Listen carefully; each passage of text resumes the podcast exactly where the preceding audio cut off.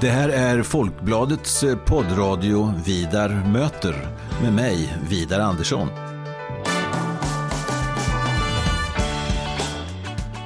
Jag är eh, chefredaktör på Folkbladet och jag är också ansvarig för Folkbladets ledarsida som eh, skrivs utifrån en oberoende socialdemokratisk hållning. Så i den här poddradion kommer jag att möta politiska personer av olika slag och vi ska ha ganska så korta och hoppas jag rappa samtal om stora och små samhällsfrågor. Varmt välkommen till Vidar möter.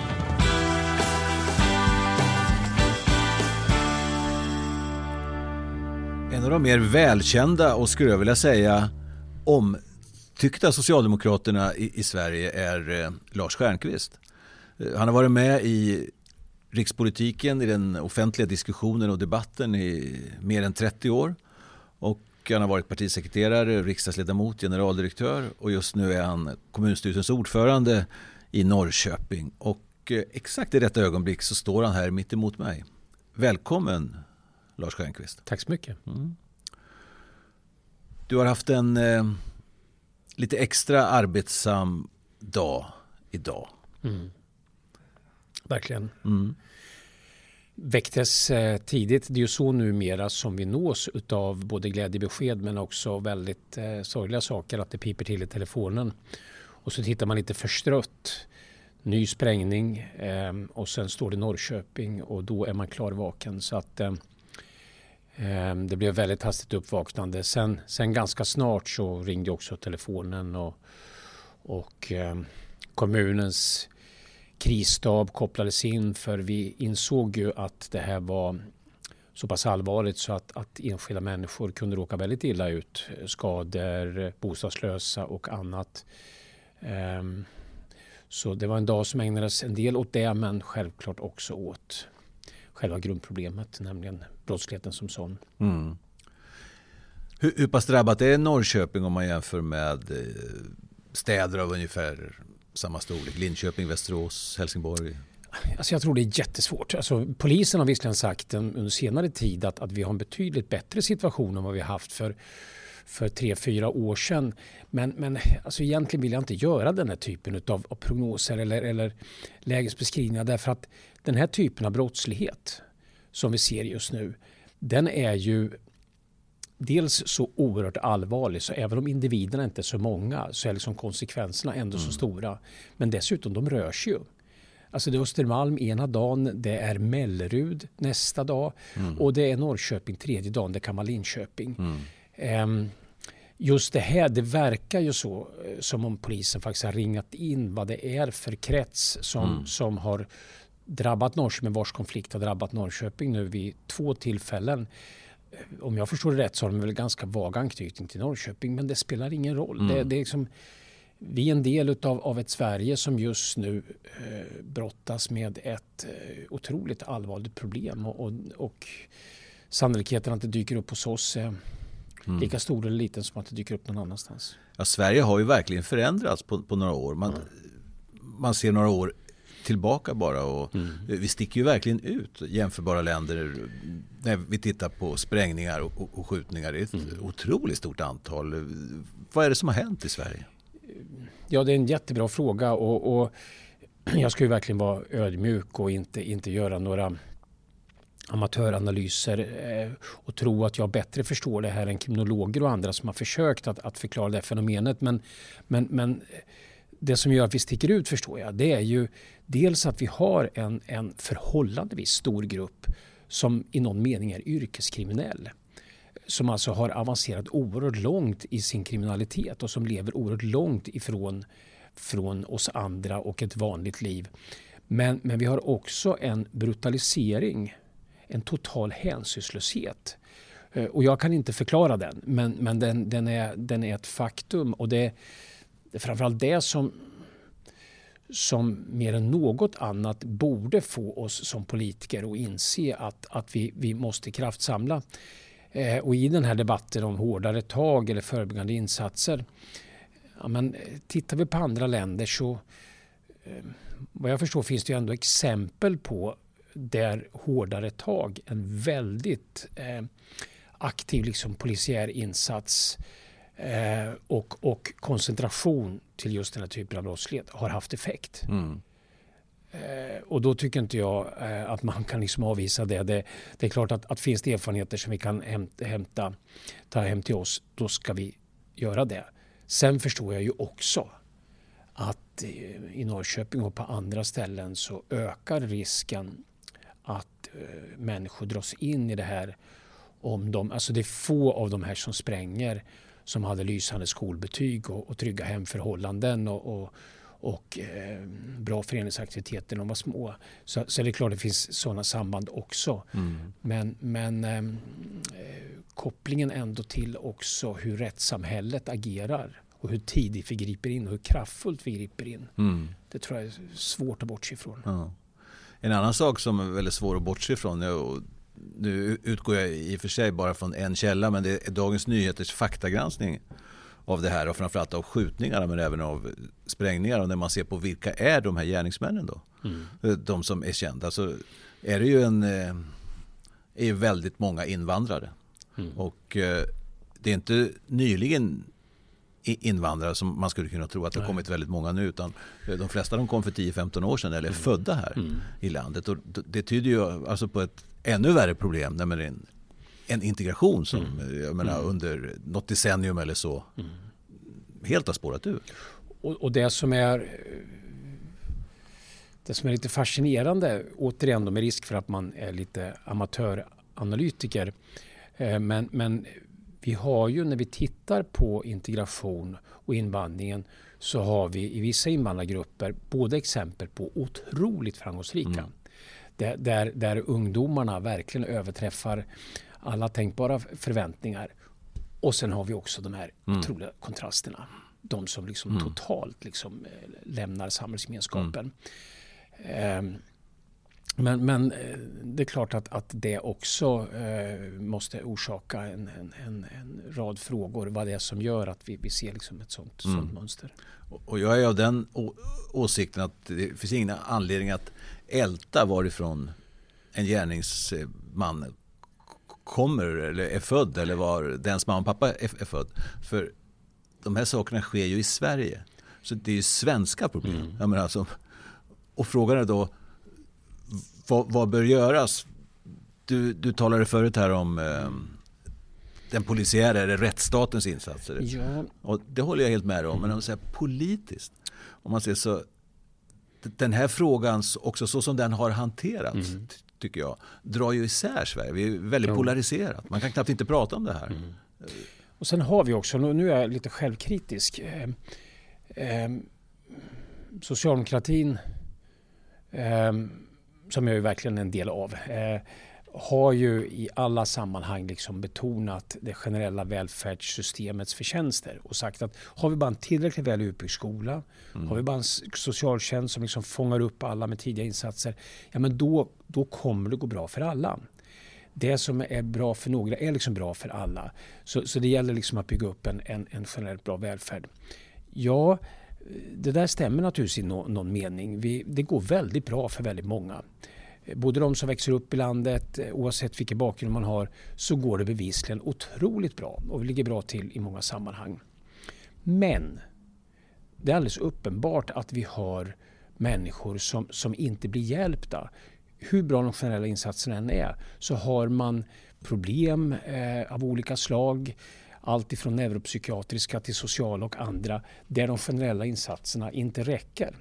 Och då måste samhället vara kraftfullt där också mm. och gå in och tidigt intervenera. Men där tror jag det finns det finns någon slags föreställning att bara vi liksom vågar lita tillräckligt på de generella insatserna mm. så kommer vi i, i förlängningen att, att, klara av alla. Men, men alltså vi, vi ser, vi har vi har en, en, en andel i varje generation mm. som tidigt eh, tyvärr spårar ur. Alla blir ju inte yrkeskriminella, så är det verkligen inte. De får andra bekymmer. Mm. Men vi har en alldeles för stor grupp som, som inte bara är yrkeskriminell men som också står väldigt långt från arbetsmarknaden. Mm. Av ganska svårdefinierbara skäl. Mm. Och jag, jag, jag, tror att det ligger någonting i detta. Att vår lite grann övertro på generella insatser gör att vi inte förstår att vi måste ha ett samhälle som också är kraftfullt när det gäller att gå in med, med, med riktade, mm. ibland rätt brutala insatser eh, därför att föräldrar inte är förmögna att, att hjälpa och, och, där samhället också måste vara starkt att, att intervenera och att göra det tidigt. Mm. Frågan är hur det här kommer att påverka Sverige politiskt. Eh, mer än vad det redan har gjort så att säga. Vi, vi står här nu, det är, det är onsdag 22 januari mm. eh, som du och jag Lars Stjernkvist står här och talar i podden Vidar möter och eh, just idag så har en oppositionsuppställning i Sveriges riksdag, det vill säga mm. Vänstern, Moderaterna, Kristdemokraterna och Sverigedemokraterna visat att de, de kommer ja, de lägger sig i och ändrar om mm. i regeringens och januaripartiernas mm. Mm. sätt att finansiera sina reformer och öka på statsbidragen eh, till kommunerna. Så det är en, eh, det är en väldigt svag regering vi har, är det inte? Um, jo, det är det. Och, och um, jag tillhör de som, som välkomnade januariavtalet och som välkomnar en samling i mitt. Jag tycker att det är det logiska i ett polariserat politiskt landskap men, men det som tyvärr också hände då när januariöverenskommelsen träffades, det var ju att vi fick inte den stabilitet och det lugn som politiken på något sätt kräver. Alltså vi, vi har hamnat i en situation där det på grund av parlamentariska läget, en, en regering med ett bräckligt underlag, har en ständig valrörelse. Mm. Och där allt, alla frågor blir ständigt på något sätt indragna i den här maktkampen. Mm. För att återigen koppla till det som hänt idag. Mm. Efter den här sprängningen så tog det väl någon timme eller ett par timmar, jag ska mm. inte överdriva, innan första utspelet kom där en politiker anklagar andra partier för att mm. ha gjort för lite. Mm. Underförstått att ni, ni bär ett större ansvar för att det här mm. händer än vi mm. andra. I min värld så är det absurt. Vi har, I så fall har vi ett dysfunktionellt politiskt system. Och här är också någonting som har förändrats. Mm. Nu ska inte jag idyllisera när du och jag var riksdagsmän mm. på 90-talet. Men vi har ändå haft i det här landet en förmåga att, att minoritetsregering eller inte, men vi har haft en förmåga att, att, att kraftsamla i frågor som har varit av nationell betydelse. Som har rört internationella överenskommelser men som mm. också handlat om de här fundamentala trygghetsfrågorna som kriminalitet mm. och, och, och rättssamhälle. Men också det har dragits in i en, en, politisk retorik och polemik och konflikt. Som, och det tror jag, alltså det, det gör också det mycket svårare att vidta mm. de här kraftfulla åtgärderna som vi behöver. Och, och där har tyvärr liksom, eh, jag inser att liksom januariavtalet har gjort det ännu svårare att få till stånd den typen av mm. samtal, samarbete som ett land mm. behöver. Men är det inte så att eh, på den tiden, på 1990-talet när vi var riksdagsledamöter till exempel och ännu längre tillbaks än, än så, eh, så fanns det en, det fanns ett, ett regeringsparti i stort sett och sen var det andra som när Socialdemokraterna misskötte sig som i enstaka perioder mm. dök upp och regerade. Men det fanns ett regeringsparti i 70 år ungefär mm. kan man säga. Så det fanns inte mycket utrymme att bråka om vem som skulle ha makten utan det visste alla så att säga. Nu har du ju två jämstora partier mm. ungefär. Och det är inte Moderaterna längre. Nej. Utan det är Sverigedemokraterna Nej. och Socialdemokraterna. Som, som jag ser på världen i alla fall. Som det, det är där den stora striden står. Mm. Egentligen under och som styr allting. Egentligen alltså av problem och konflikter som, som dyker Ja, fast det är också så att, att, att på grund av att socialdemokrater och moderater um, har en, har en oförmåga att, att faktiskt åstadkomma resultat i frågor där man historiskt har lyckats ganska bra. Mm. Eh, det är klart att det ger ytterligare näring åt ett parti som hela tiden mm. lever av missnöjet. Eh, och det är inte någon, alltså det är inte någon kritik så, men, men men, men som ett antietablissemangsparti. Mm. Det finns ju en del som drar slutsatsen att, att menar, bara moderater och socialdemokrater krigar tillräckligt mycket så kväver vi. Nej, jag tror är tvärtom. Mm. Mm. Alltså, det som mer än någonting annat göder missnöje det är naturligtvis politikers oförmåga att lösa konkreta problem. Mm. Och vissa problem måste lösas tillsammans mm. av de regeringsbildande partierna. Så att Visst har ju rätt, men, men det är fortfarande så att, att även med ett större SD Så, så just nu så är det ändå två stycken potentiella regeringsbildare. Och med det följer ett alldeles liksom speciellt ansvar. Mm. Sen också, vi har ett nytt politiskt landskap och, och, alla partier har lite svårt att förhålla sig. Jag blir inte moraliskt upprörd att, att nu vi får såna här oheliga allianser. Mm. Um, men det, så är det. Mm. det. det. är inte konstigt. Mm. Det konstiga är ju att vi fortfarande agerar som om vi inte hade det landskapet. Vi mm. bråkar om vem som ska prata med vem. Ja, ja, men det håller inte. Vi, alla måste prata med alla. Vi måste förhålla oss till det landskap vi har. Jag gillar inte SD. Eh, och jag tycker det är djupt beklagligt att, att de har det stöd de har. Men de har det och de finns. De finns i Norrköping. Mm. Eh, och det är klart att, att det är ofrånkomligt att ska vi kunna hantera vardagliga politiska frågor så måste vi prata med alla. Mm. En, en sista sak om januariavtalet här innan vi landar mer i Norrköping. Jag, jag tänker, var det inte väldigt omoget att peka ut vänstern och och, eh, och Sverigedemokraterna, alltså i januariavtalet, skriva dem på näsan att syftet är att ni inte ska ha något inflytande. När alla vet att utan vänsterns röster så... Nej, och, och, det som var lite grann, eh, som var problematiskt med det, det är just det här att, att, eh, att vi förstärker problemet att vi har en ständig valrörelse. Mm. Det är klart att pekar vi ut partier på det mm. viset ja så säger vi ju att, att kampen, maktkampen fortsätter. Mm. Alltså, har man en överenskommelse som man menar är tillräcklig för att bilda regering då behöver man inte peka ut nej, några andra. Nej. Utan då, då talar man om det här vill vi göra tillsammans. Det här har vi stöd för. Um, nu hade man ju inte riktigt det stödet då, mm. därför man behövde ju också. Nej, men, men, men ändå, eh, det, det, det, det, är klart att, att den där formuleringen understryker just det här som jag tycker är problemet sakligt och på många sätt försvarar jag fortfarande januariavtalet. Jag tycker det är helt rätt liksom, strategi att försöka åstadkomma en samling i mitten. Mm. Men eh, syftet med den måste rimligen vara att vi skapar någon slags arbetsro och någon slags fungerande förhållningssätt mellan alla partier och då eh, har ju inte den formuleringen underlättat direkt. Nej. Vore det inte bättre om eh, Socialdemokraterna och Miljöpartiet gick skilda vägar? Jag menar, det skulle underlätta, skulle inte göra det för, för Socialdemokraterna till uppgörelse med Moderaterna till exempel som du efterfrågar. Jag, jag har svårt att se hur, hur man eh, att den mognaden skulle finnas inom Miljöpartiet så att man släpper Socialdemokraterna och gör uppgörelser? Mm. Eller vad tänker du? Alltså jag har tänkt väldigt mycket på alla möjliga varianter. Ja. Jag har sett framför mig en, en renodlad mittenregering utan mm. Socialdemokrater. Mm. Risken att den skulle bli väldigt liten och klämd. Men mm. å andra sidan, den skulle förhoppningsvis göra att att de, de två traditionella regeringspartierna fick lite lättare att prata med varandra. Mm. Men, men eh, det är ju heller inte bra om, om de liksom pratar över huvudet på en regering. Nej. Så att, så att men, ja, jag, renodlad minoritetsregering. Men samtidigt, alltså Socialdemokraternas dilemma, det är ju inte att vi har för många kompisar. Mm.